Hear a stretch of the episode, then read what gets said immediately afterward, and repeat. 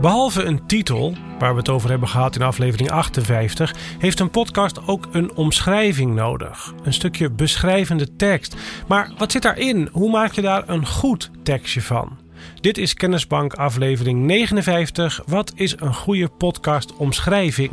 Ik ben Hajo Magree. Dit is Tussen de Oren, de podcast over podcasting van NAP1. Wij maken audiocontent. Voor ik antwoord geef op de vraag hoe je daar nu een goed tekstje van maakt, nog heel even uitleggen dat ik het hier heb over de omschrijving van je podcastkanaal. En in de vorige aflevering over de titel van je podcastkanaal. Dus even de hiërarchie. Een kanaal bevat afleveringen. En je kanaal heeft een titel en een omschrijving. En elke individuele aflevering heeft ook weer een titel en een omschrijving. En waar ik het nu over heb, is dus niet die omschrijvende tekst van een individuele aflevering. Maar we schrijven hier de tekst over het hele kanaal. Vergelijk het met de flaptekst van een boek.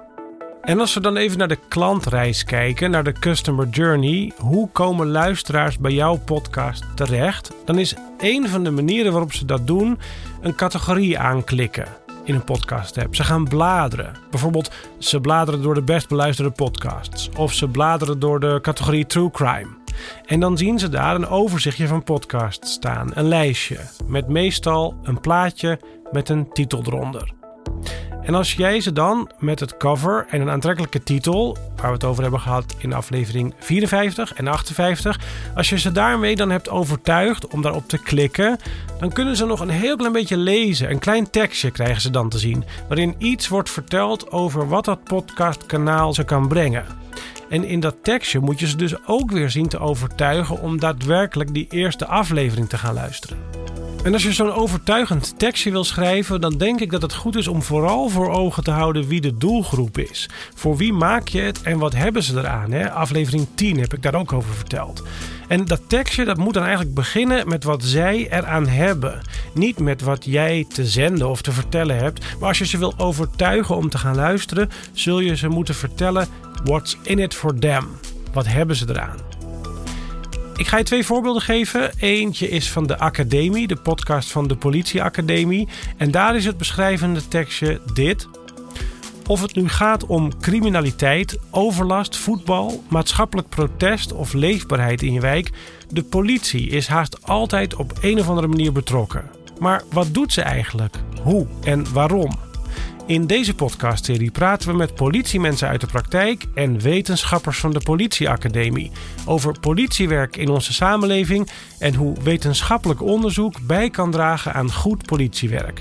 Zo plaatsen we met de Academie politiewerk in perspectief.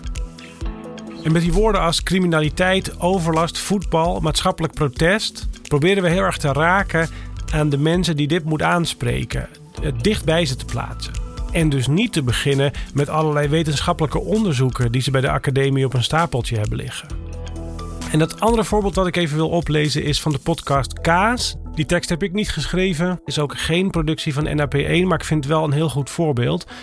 De omschrijving van de podcast Kaas is: Deze podcast is voor mensen die zelf verzekerd de kaaswinkel binnen willen stappen. Voormalig kaasverkopers Joppe en Lieve nodigen zichzelf uit aan de keukentafels van culinaire experts en kaasmakers. In het eerste seizoen leer je over vijf verschillende kaasfamilies en hoe je aan de hand daarvan een doordachte kaasplank samenstelt. Ook nemen Joppe en Lieve je mee op reportage naar kaasmakers in Nederland en daarbuiten.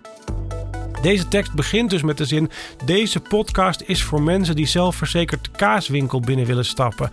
En dat is een ijzersterke zin natuurlijk, want je zegt echt meteen voor wie het is en wat je eraan hebt, namelijk zelfverzekerd de kaaswinkel leren binnenstappen. Nou, dat waren twee voorbeelden. Ik hoop dat het je inspireert om voor jouw podcastkanaal ook een aantrekkelijke omschrijving te verzinnen. Dat was het. Je kunt de informatie uit deze aflevering ook terugvinden in de podcast Kennisbank op onze website. Dit was Tussen de Oren van NAP1. Wij maken audiocontent. NAP1.nl